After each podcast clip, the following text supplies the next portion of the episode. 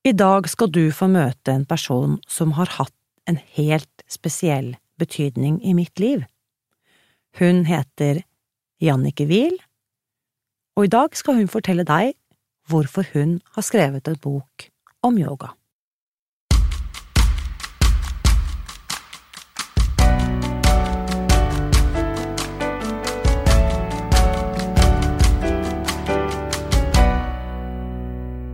Det er noen personer som har hatt større betydning i mitt liv enn andre.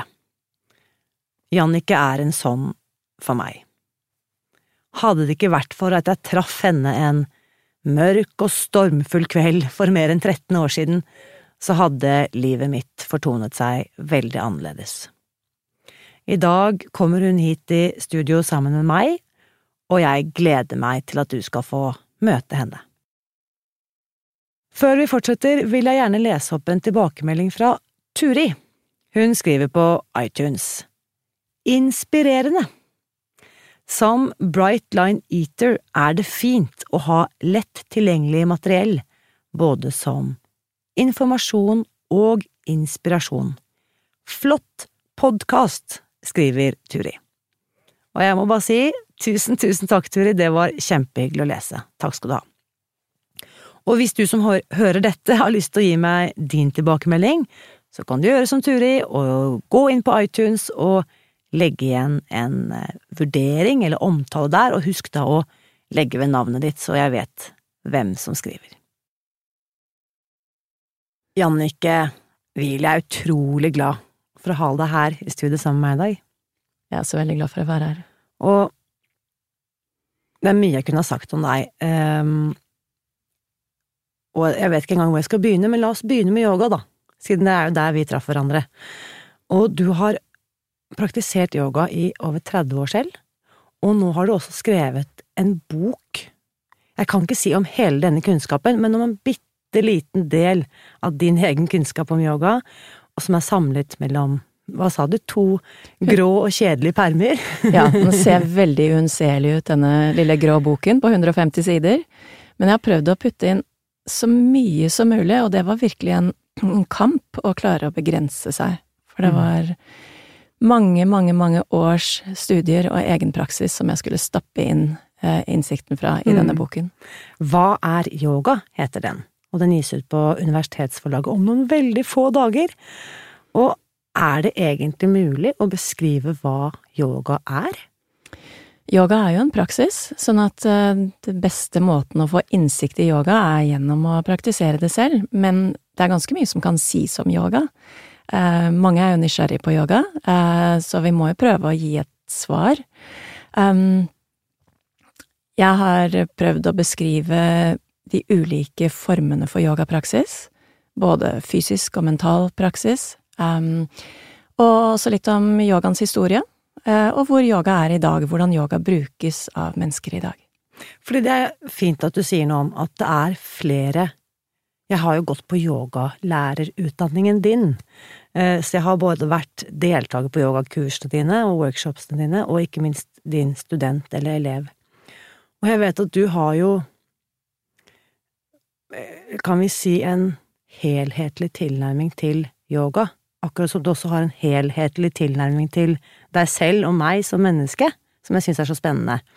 Som både tepper inn på den fysiske praksisen, og sånn som du er inne på den mentale og den åndelige, og, det, og for noen er det jo kanskje litt sånn det derre litt sånn rare, sekteriske eller religiøse som noen forbinder med yoga.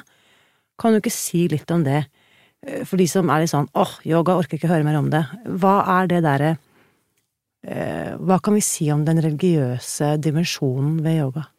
Først må jeg si at du brukte ordet sekterisk, og det som er interessant med yoga, selv om det alltid har vært en åndelig praksis, så har den ikke vært sekterisk. Eh, I tidlige yogaskrifter, fra mange hundre år tilbake, så står det veldig tydelig at yoga kan praktiseres av hvem som helst, mm.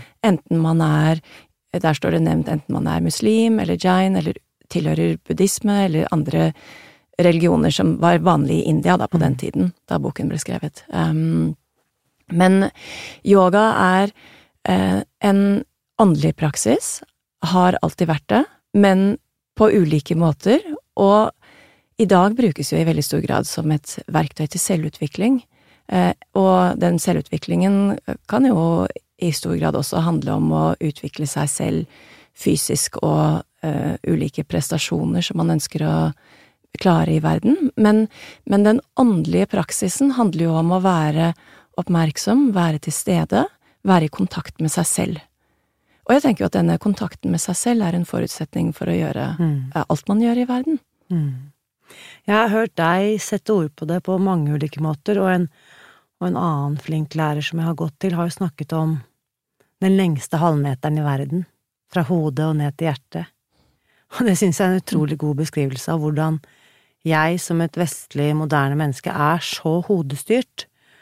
Eh, og jeg tror, da jeg først kom på matten, eh, yogamatten på Sagene hos deg, eh, jeg var gravid med mitt første barn og stresset rundt og var totalt ute å kjøre, følte jeg.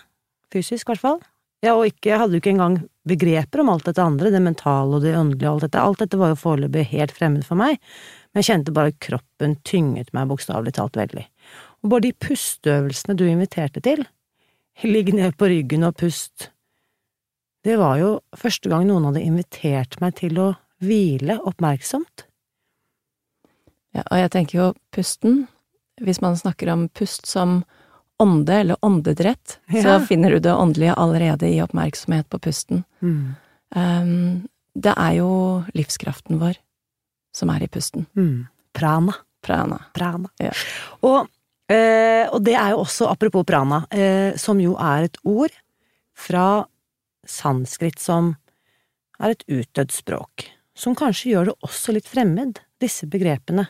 Nå prøver jeg bare å sette meg i lytterens sted og tenke men jeg vet ikke noe om yoga, og jeg føler meg enda dummere når jeg hører disse begrepene som jeg ikke forstår. Er det viktig å skjønne eller vite hva prana er, for å kunne Man trenger ikke å lære noe fremmedord for å ha glede av yoga, men samtidig så syns jeg det er fascinerende med disse ordene fordi de um, ikke bare vekker nysgjerrigheten, men de gjør oss oppmerksomme på at ordene som vi kan oversette med pust eller livskraft, har en annen dimensjon som mm. beriker oss veldig. Sånn som for eksempel prana, som eh, betyr både pust og livskraft. Det har noe veldig sjelelig ved seg. Mm. Eh, hvis prana forlater kroppen, så forlater livet kroppen. Og det er på en måte eh, en måte vi kan skjønne hvor nært pusten er knyttet til livet, mm. energien vår. Eh, livskraften vår.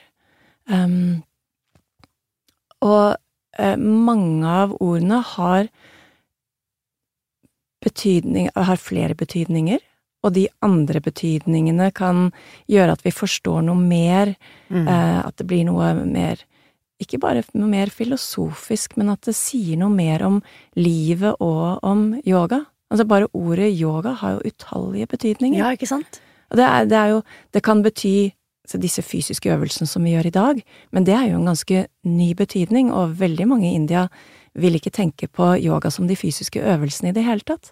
De vil kanskje tenke at yoga er disiplin, det er en metode, eh, det handler om eh, askese, eh, mm. det handler om en frigjøringsvei.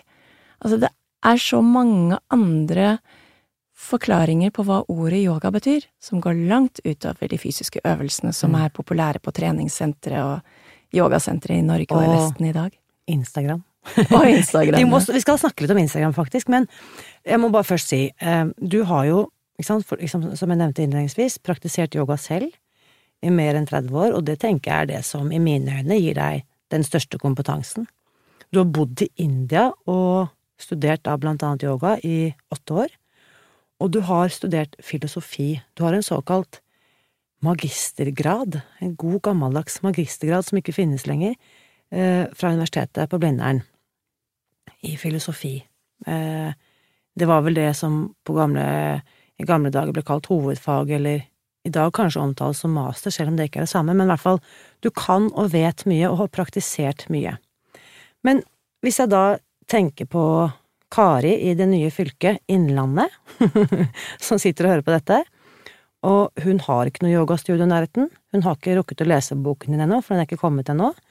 Men hva vil du si til Kari som hører på dette og tenker skal jeg prøve yoga, og hvor begynner jeg? Bør Kari prøve yoga? Jeg tenker, jeg tenker at alle kan ha glede av yoga, fordi at yoga hjelper oss å komme i kontakt med oss selv, og hjelper oss å bygge våre indre ressurser. Både gjennom bevegelse som frigjør energi, og som hjelper oss å være i form og ha god helse, og det er jo en forutsetning for å ha overskudd. Pusten og tilstedeværelsen hjelper oss å være mer til stede i oss selv og til stede i øyeblikket, og det gjør at vi lettere kan gjøre alt det vi ønsker i livene våre. Mm.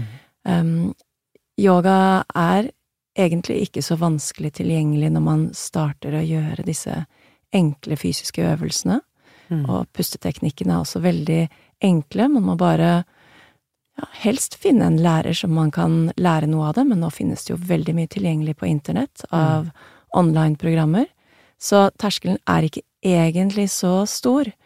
Det viktigste er at man ikke lar seg lure av bilder av stillinger som er så avanserte at man ikke tror at man kan gjøre det, for alle kan faktisk gjøre yoga. Fantastisk, det er kjempebra, glad for at du sier, for det er det andre jeg veldig ofte hører når jeg møter, om ikke Kari, da, så Ola, så sier jeg sånn, Ola, du burde prøve yoga, eller bli med meg på en yogatime. Da sier Ola, øh, ja, men jeg kan jo ikke det, jeg er jo stiv som en stokk. Ikke sant? Og det er jo akkurat da vi trenger yoga. Jeg husker min første yogatime, jeg var så langt fra å kunne ta i tærne mine eller ta i gulvet, og jeg trodde det var det yoga handlet om. Jeg hadde det som mål, og klarte i løpet av noen måneder å komme fingrene nærmere tærne selv med strake ben, for jeg hadde også alltid vært veldig stiv. Så det veldig positive er jo at man kan bli mykere enn det man er, og man skal i hvert fall ikke gi opp hvis man kjenner seg stiv, for det er da man trenger å gjøre disse øvelsene. Men det handler ikke om å oppnå noe, det handler ikke om å gjøre noe fysisk, det handler om å være til stede i kroppen. Og bevegelsene kan gjøres med alle mulige slags tilpasninger som gjør at hvem som helst kan gjøre det. Mm. På yogafestivalen hvert år har vi en som kommer trillende inn i rullestol, og det syns jeg er så fantastisk motiverende å se at også rullestolbrukere kan gjøre yoga. Det er fantastisk, og jeg har jo selv eh, praktisert oppe hos dere eh, sammen med en slagpasient, som også hver eneste onsdag kommer tilbake og praktiserer. Det er fantastisk. Jeg syns det er så inspirerende. Det er veldig inspirerende. Og jeg tenker jo da tilbake til 2006 også, når jeg kom da inn eh, på Sagene samfunnshus i Oslo. Altså bokstavelig talt på mitt tyngste i øyeblikk i mitt liv, med da dette barnet på vei. Og en dundre over hundre. og ikke sant, masse Jeg hadde for det første hadde jeg angst for hva jeg skulle ha på meg, ikke sant. Jeg, eh, hva, hva skal jeg ta hva, hva slags klær trenger jeg for å gå på yoga? Um, og dette er jo såpass langt tilbake at yoga var jo ikke så allemannseie da, for 13 år siden, eller for snart 14 år siden som det er nå, men det var noe med det å komme inn der og føler meg så ivaretatt og trygg. Dette her er ikke skummelt, dette skal jeg få til, jeg klarer å puste, jeg òg. Og så ble det et slags vendepunkt, og på absolutt det ble min inngangsport. Og så vet jeg også, det har vi for så vidt vært inne på også, at det, mange har det på den måten at de oppdager yogaen når de virkelig trenger det. Det kan være kanskje i forbindelse med dårlig helse, eller alvorlig sykdom, eller utbrenthet, eller sorg, eller en eller annen form for livskrise. Og hvorfor tror du det er sånn at veldig mange finner frem til yogarommet på det som kanskje kan være det tyngste øyeblikket i deres liv? Jeg tror når vi um, er i kriser, så trenger vi håp, vi trenger en ny vei, vi trenger noe som kan gi litt lys. Og yoga, ikke bare på grunn av kontakten med oss selv, for den kan jo være ganske krevende å ha når vi går gjennom tunge faser, um, gir likevel håp om noe mer slags letthet, fordi idet man setter i gang å bevege seg og puste, så roer nervesystemet seg, man får mer overskudd, um, og i hvert fall slik som vi ofte underviser yoga i Norge i dag, så legger vi jo vekt på å bygge opp de indre ressursene, både gjennom å roe nervesystemet, men også gjennom takknemlighetspraksis, eller gjennom å um, sende gode tanker til andre, gjennom selvmedfølelse, gjennom ulike mentale øvelser som gjør at vi finner lyspunkter, eller får hjelp til å um, ikke ikke egentlig gå så på leting etter lyspunktene i livet, for det handler jo også om å romme det som er vondt. Mm. Men når vi ser at vi er større enn smerten, vi er eh, bevisstheten som kan romme både de Mm. gode og de vonde følelsene og tankene, da, da blir vi litt større enn den lidelsen og smerten som vi Mm. opplever. Det gir en type letthet og et håp. Og jeg tror også at bare det å kunne puste inn i denne sorgen og vite at jeg er ikke ødelagt, selv om jeg akkurat nå føler meg helt smadret, eller jeg er ikke feil, selv om noen sier at jeg ikke er riktig. Å bare romme alt det, det, det har liksom yogaen hjulpet meg med, at jeg kan sortere, puste inn og ut av følelser og bare kjenne at nå har jeg det kjipt, men det er også greit, sånn er det akkurat nå. I meditasjon så øver vi jo oss ofte på å være det indre vitne som kan observere tankene, observere følelsene, og idet du skaper den lille avstanden og inntar posisjon som observatør, så får du en frihet. Da blir du ikke fanget i følelsene, for det er jo de begrensende følelsene og de begrensende tankene som, som fanger oss. Men når vi etter hvert øver oss på å se på tankene og følelsene slik som vi ser på skyer som passerer over himmelen, får vi mer frihet og rom, og vi kan tillate at de er der, og det er ikke så farlig om skydekket er litt tungt, vi vet at det er forbigående, og vi vet at solen skinner på baksiden av skyene. Mm. Det liker jeg det veldig godt, det bildet. Og litt da fra det overskyede mørket til det som jeg tenker er kanskje helt på andre siden av spekteret, nemlig ja, vi kan kalle det Instagram-yoga, eller strike a pose, som jo kanskje er veldig eh, mye mer utbredt i dag enn det var bare for 10-15 år siden. Vet, Instagram fantes jo ikke engang. Og da tenker jeg, hvis jeg hadde vært i slutten av 20-årene i dag, en dundre på over 100, da hadde nok ikke jeg turt å oppsøke et yogastudio. Fordi jeg tenker jo at i disse sosiale mediene så får jeg jo inntrykk av at for å være en yogini eller drive med yoga, så må jeg være slank, myk og vakker og nyfønet hår og ikke sant? Eh, hva tenker du om, om den yogavirkeligheten som jo faktisk også formidles på sosiale medier og Instagram og sånne steder? Jeg synes at jeg ser en ny trend nå til at man prøver å vise at yoga er for alle. Mm. For et år siden så var det en som tok kontakt med meg som ønsket at vi skulle um, holde, uh, arrangere kurs for henne i formfull yoga, og hun er stor og legger ut sine yogabilder på Instagram og viser at alle kan gjøre yoga, også mennesker med store kropper. Mm. Uh, og um, jeg tror det er mange som har strevd med å tilpasse yoga til seg, og som har strevd med å finne en yoga som passer, og som har trodd at yoga ikke var noe for dem, som nå er så glade for å formidle at alle kan gjøre yoga. Det spiller ikke noen rolle hvilken fasong kroppen har. Og yogaen kan hjelpe dem til å både akseptere kroppen sin mer, bli mer glad i kroppen, og vise mer omsorg for kroppen. Og for noen vil jo det gjøre at de da tar mer kostholdshensyn til seg selv, Mm. fordi de ser åh, hvis jeg skal være glad i kroppen min, da må jeg faktisk gi den næring som den trenger. Mm. Eh, Så yoga kan støtte eh, mennesker i å bli mer glad i seg selv, og mer aksepterende. Åh, dette er eh, musikk i mine ører. Eh, og apropos formfull yoga og yoga og kropp, det er ett av temaene som jeg er så heldig å blitt invitert til å få snakke om på yogafestivalen, som jo skjer da neste helg på Sagene. Det vil si altså fredag 24. januar til søndag 26. januar. Og da, hvis du hører dette opptak senere, vi snakker altså om 2020. Hvordan skal jeg si det ordet? Det er, det er så sjelden jeg har uttalt det årstallet. Sier man 2020? 2020? Ja. Det skjer nå, 24. til 26. januar i dette året. Jeg gleder meg sånn til den dialogen mellom dere. Ja! Det er så utrolig spennende. Virkelig et høydepunkt. Det er altså på lørdag 25. januar klokken halv tolv, og dette er et gratis foredrag, åpent for alle.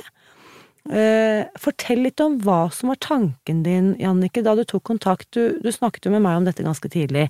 Hva hvis vi lager en paneldebatt om yoga og kropp? Fortell litt, hva, hva var din tanke bak?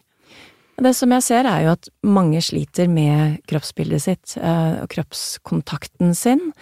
Og um, mange har utfordringer i forhold til mat og spising på ulike måter, enten de spiser for mye eller spiser for lite, eller ikke vil spise, eller ikke aksepterer det de spiser. Mm. Det er utrolig mange temaer som kommer opp uh, i forbindelse med mat og spising. Og jeg ser jo mange yogalærere har ulike måter å tilnærme seg et bevisst forhold til kropp og et bevisst forhold til mat og det var så utrolig spennende å kunne sette sammen deg som bruker yoga i forbindelse med Spis deg fri, og andre som bruker yoga i forbindelse med spiseforstyrrelser, mm. eh, spisevegring, og en som da bruker yoga for å akseptere at hun har en sykdom som gjør at hun ikke kan bli veldig slank. Eh, at alle dere bruker yoga for å jobbe med kropp og kroppsbilde. Mm. Um, jeg tror mange opplever at de får mer kontakt med kroppen fra innsiden når de driver med yoga. Mm. At den ytre formen på kroppen ikke blir så viktig mm. som den kanskje har vært tidligere. At vi går fra å være et objekt, oppleve oss selv som noe som vi måler og veier, til å oppleve oss selv som et subjekt hvor vi kjenner kroppen fra innsiden, hvor vi sanser den. Vi opplever pusten, hjertet som banker, sitringer og pulseringer i kroppen. Og det er så utrolig berikende og så frigjørende, mm. fordi at et ytre bildet av denne kroppen vår som vi sammenligner med andre kropper, kan være så tyngende for oss å gå rundt med. Og så kan vi oppleve så mye glede når vi får kontakt med kroppen fra innsiden. Og den gleden, ja, livsgleden som man får av det, og berikelsen, gjør at ting kan snus helt opp ned på i livet. Og apropos det vi snakket om i stad, med betydningen av ord, det er jo dette med å puste inn. Inspirasjon. Ja. Og inspirere. Så for hvert innpust jeg tar, så kan jeg inspirere. Det syns jeg også er Apropos dette med alle disse lagene i språket vårt, og som jeg vet at du også er, ikke sant, nå som forfatter også. Mm. Det er fantastisk. Jeg er så glad at du tok deg seriøst, eh, dette mener jeg helt seriøst, Jannika, at du tok deg tiden, for det har jo virkelig tatt tid å skrive den boken. Men vi må snakke litt mer om festivalen, sånn at folk skjønner hvor fantastisk dette er. Jeg vet at det er ja, det er begynner å nærme seg 20 år siden du stiftet Oslo Yoga, det skjedde i 2002, men når kom du i gang med festivalen? Det var i 2005. Ja. Og Så ja, vi har holdt på i 15 år. 15 års jubileum da i år, i 2020. Og det som er viktig, dette må jeg få lov til å fremsnakke, for jeg vet ikke om du kommer til å si det selv, dette gjør du altså av ren veldedighet. Alle som stiller opp, gjør det frivillig. Alle som deltar, betaler, for all del, og alle inntekter går uavkortet til hjelpeprosjekter i India. Og da samarbeider du med etablerte, velfungerende bistandsorganisasjoner, så vi som bidragsytere vet at pengene kommer frem til det de skal, eh, og disse går blant annet da til å utvikle undervisningstilbud for barn fra slummen, redde jenter ut fra trafficking, og også hjelpe ungdom og familier som sliter med rus. Jeg merker jeg får sånn gåsehud når jeg liksom uh, sier det høyt, fordi det lille bidraget da, som vi som yogalærere kan gjøre, gjør at mange mennesker et annet sted på kloden får det bedre. Det er det som jeg syns er så fantastisk med yogafestivalen. Vi har så utrolig stor glede av den her, fordi at det er et veldig viktig møtested for mange i yogamiljøet. Man kommer og får inspirasjon og påfyll, det er en faglig utveksling mellom lærere som treffer hverandre, og folk kommer fra hele landet for å få lære om yoga og høre foredragene og være med på fordypningskursene. Og samtidig som vi har denne nytten og gleden av det her hjemme, og at vi får treffe hverandre her hjemme, så kan vi hjelpe barn og unge til skolegang i India. Det er jo en måte som yogamiljøet hva skal jeg si, tilbakebetaler til India mm. noe av det vi får, siden yoga kommer fra India.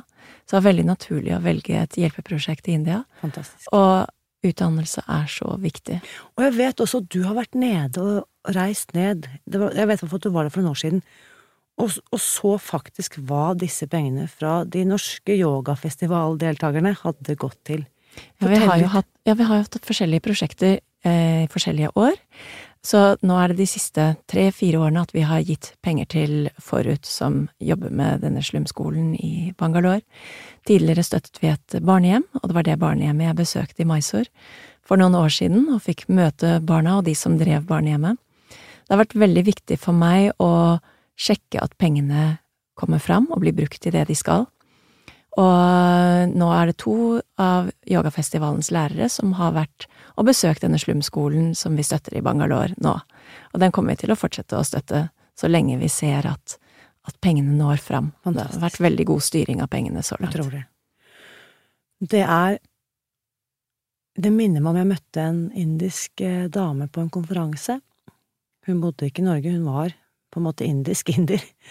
Og så spurte hun, vi ble stående og snakke om arv og tradisjon, og så spør hun ja, hva er dere i Norge stolte av, hva er det, uh, hva er det du som nordmann vil fremheve, uh, altså tradisjonelt så sier jeg jeg tror hvis du snakker med folk flest i Norge, så snakker vi om oljerikdommen vår, eller uh, den lange Fjell og fjorder. Fjell og fjorder, naturen vår selvfølgelig, det er jo fantastisk vakkert. Eller liksom vikingtradisjon langt tilbake.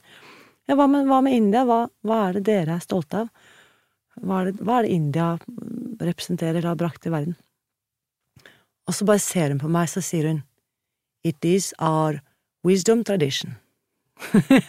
og det var Så tenker jeg å, så fantastisk, her står jeg og skryter av oljerikdommen nå, og så kommer hun trekkende med vår visdomstradisjon. Jeg har møtt indere som har sagt akkurat det samme til meg. Det er visdomstradisjonen. Mm. Og det er jo yoga. Og det er det som jeg prøver å fortelle om i Hva er yoga? Mm. boken. Um, at yoga er så mye mer enn fysiske øvelser. Yoga er også en visdomstradisjon.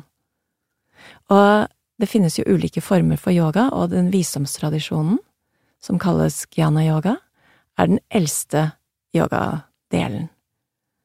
Og den stammer jo fra flere hundre år før Kristus, hvor vismennene satt og snakket om udødelighet og livet, snakket om selve, de dypere aspektene av oss selv, og denne visdomstradisjonen lever i beste velgående i India fortsatt i dag, og det var den yogaen jeg kom i kontakt med først.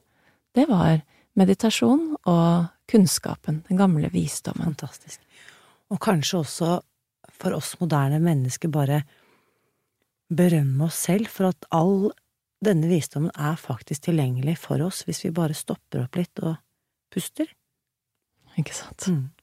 Vi er fortsatt inne i årets aller første måned, så hvis noen fortsatt lurer på hva de skal gjøre fredag 24.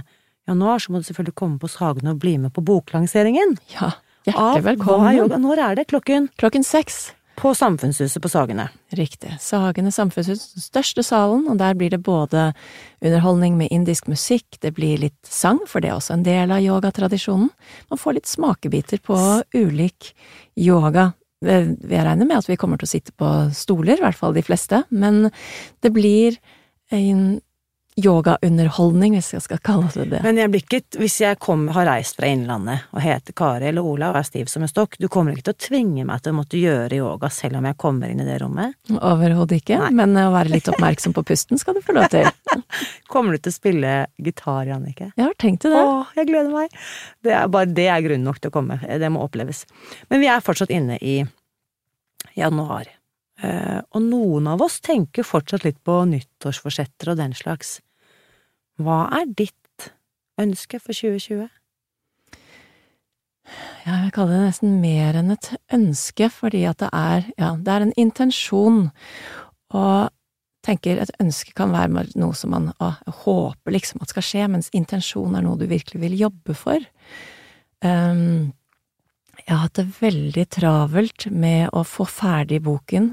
Jeg har jobbet med den i tre år, brukt alle ferier og all fritid for jeg har en, en travel jobbhverdag ellers, så jeg kunne ikke skrive i hverdagen. Eh, så jeg ønsker mer ro og fritid. Um, så min intensjon er å sette av mer tid til ro, um, jobbe mindre, meditere mer. Og Jeg har også viktige intensjoner for min kontakt med andre mennesker, for jeg ser at jeg i min effektivitet ofte glemmer å se personen jeg har foran meg. Så min intensjon er å se dem jeg møter, og stoppe opp og ta meg tid til å lytte til dem før jeg kommer med alt jeg vil si. Åh, den dagen du knekker koden på hvordan du får til det, så er du hjertelig velkommen tilbake og dele hemmeligheten med alle oss. tusen, tusen takk, Annike. Og som vi sier i yogarommet, namaste. Namaste. Så altså, hvis du er i Oslo neste helg, så må du selvsagt bli med på Oslo Yogafestival, og da er det hele, hele helgen eh, må du selvfølgelig være med på, eh, spesielt da boklanseringen til Jannicke på fredag kvelden, og dette foredraget, eller denne paneldebatten jeg er invitert til å være med på, om yoga, kropp og kroppsbilde, den finner altså sted lørdag klokken 11.30 og dette foredraget, begge disse foredragene er åpne og gratis for alle. Og på søndag så har også Jannicke invitert meg til å holde en tre timer lang yogaworkshop om Spis deg fri, hvor temaet er frihet. Mitt ønske med denne workshopen, det er å invitere deg til å reflektere over og kanskje erfare hvilke muligheter som finnes når vi frigjør oss fra disse automatiserte tankene våre, vanene våre og automatiserte bevegelsesmønstre. Og denne workshopen, eh, den er ikke gratis, men den passer for alle, selv om du aldri har prøvd yoga før, så her er det bare å melde seg på. Og hvis du vil delta i den videre samtalen om dagens episode, eller har noen spørsmål om yoga eller yogafestivalen, så kom inn i Facebook-gruppen Spis deg fri, hvor det nå er altså mer enn 1300 medlemmer. Det synes jeg er kjempegøy. Og i denne gruppen så diskuterer vi hver uke og ukens podkasttema, og her er det selvsagt plass til flere til å være med i samtalen. Og fordi vi fortsatt er i januar, i årets aller første måned, har jeg lyst til å snakke litt mer om egenomsorg som har vært mitt viktigste nyttårsforsett de siste årene. Neste søndag har jeg derfor invitert en eh, person som jeg har kjent i mer enn 20 år. Hennes navn er Guro Fostervoll Tveten. Og du har kanskje tenkt at dette navnet kjenner jeg jo, og du kjenner henne kanskje fra hennes tid som programleder på TV, eller som kona til en av Norges beste håndballspillere gjennom tidene, nemlig Håvard Tveten. For meg så er Guro først og fremst en veldig klok og omsorgsfull venninne. Og i neste uke så snakker vi om alt dette, nemlig vennskap, om eh, popstjernelivet, eh, ekteskapet med Håvard, eh, og ikke minst Guros nyeste baby og nyeste prosjekt, nemlig podkasten Guro og Guru. Jeg kan bare si gled deg. Og apropos årets første måned, om noen uker altså, det vil si i februar en eller annen gang, så arrangerer jeg da en gratis og nettbasert workshop om Spis deg fri. Hvis du har lyst til å være med på den, så kan du gå inn på spisdegfri.no venteliste og melde deg på, og da sender jeg deg en invitasjon til denne workshopen på e-post så snart påmeldingen åpner, og workshopen er altså gratis. Og som du vet, mitt motto er at gode nyheter er skapt for å deles, så del gjerne denne podkastepisoden med dine venner. Og husk, jeg heier på deg, alltid.